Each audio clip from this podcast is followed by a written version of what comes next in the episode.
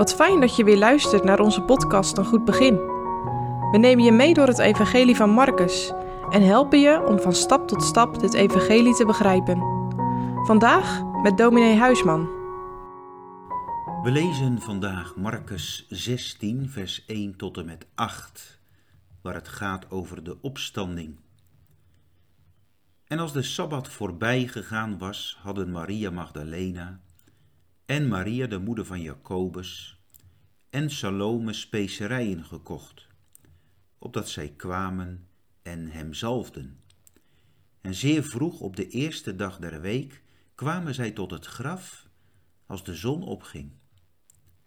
En zeiden tot elkander, wie zal ons de steen van de deur des grafs afwentelen? En opziende zagen zij dat de steen afgewenteld was want hij was zeer groot. En in het graf ingegaan zijnde zagen zij een jongeling zittende ter rechterzijde, bekleed met een lang wit kleed, en werden verbaasd. Maar hij zeide tot haar, zijt niet verbaasd. Gij zoekt Jezus de Nazarener, die gekruist was. Hij is opgestaan, hij is hier niet. Ziet de plaats waar zij hem gelegd hadden. Doch gaat heen zegt zijn discipelen en Petrus dat hij u voorgaat naar Galilea, al daar zult gij hem zien, gelijk hij u lieden gezegd heeft. En zij haastelijk uitgegaan zijnde, vloden van het graf, en beving en ontzetting had haar bevangen. En zij zeiden niemand iets, want ze waren bevreesd. Ze zijn al vroeg op pad, die paar vrouwen, op weg naar het graf van Jezus, bedroefd, bedroefd over zijn dood. Volgens Lucas hadden zij kort voor de Sabbat op vrijdag nog specerijen en zalven gekocht om na de Sabbat het lichaam van Jezus tegen bederf te beschermen. De vrouwen dachten helemaal niet aan het woord van Jezus. Dat woord, na drie dagen zal ik opstaan. Uit liefde gingen ze naar het graf maar niet in het geloof. Ze lieten zich meer leiden door het gevoel dan door het woord van Jezus. Zou de Heilige Geest deze geschiedenis van de vrouwen niet hebben opgeschreven om ons te leren dat de bevinding, het gevoel van het moment, niet de maatstaf mag zijn van de waarheid, maar het woord van God moet de maatstaf zijn. Wanneer de vrouwen hadden vastgehouden aan het woord van Jezus, dan hadden zij op de opstandingsmorgen niet ontmoedigd naar het graf hoeven te gaan. Er is een groot verschil of iemand God niet wil dienen, dan dat hij door onkunde mistast, zoals de vrouwen. Die God niet wil dienen, gaat door eigen schuld verloren. Die de Heer Jezus niet lief heeft, die zijn een vervloeking. Maranatha.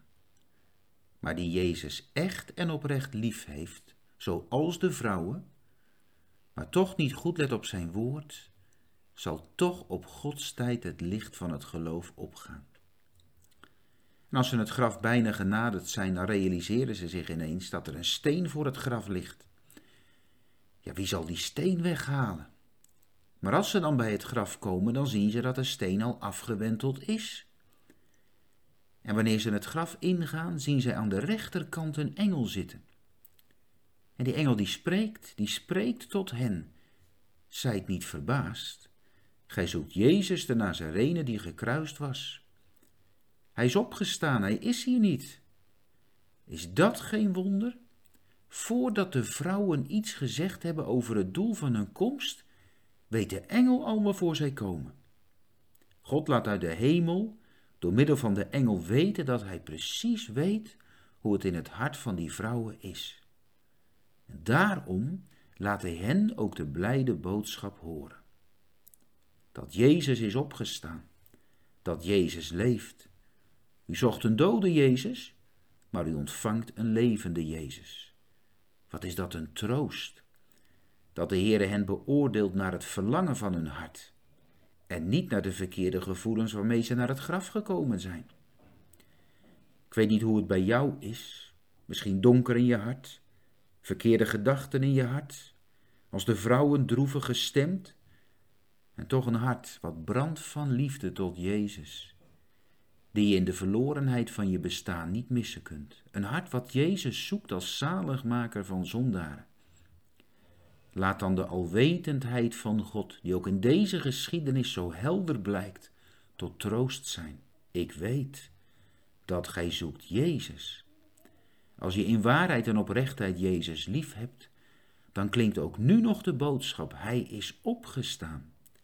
De Heere kent je en weet of je in waarheid Jezus zoekt.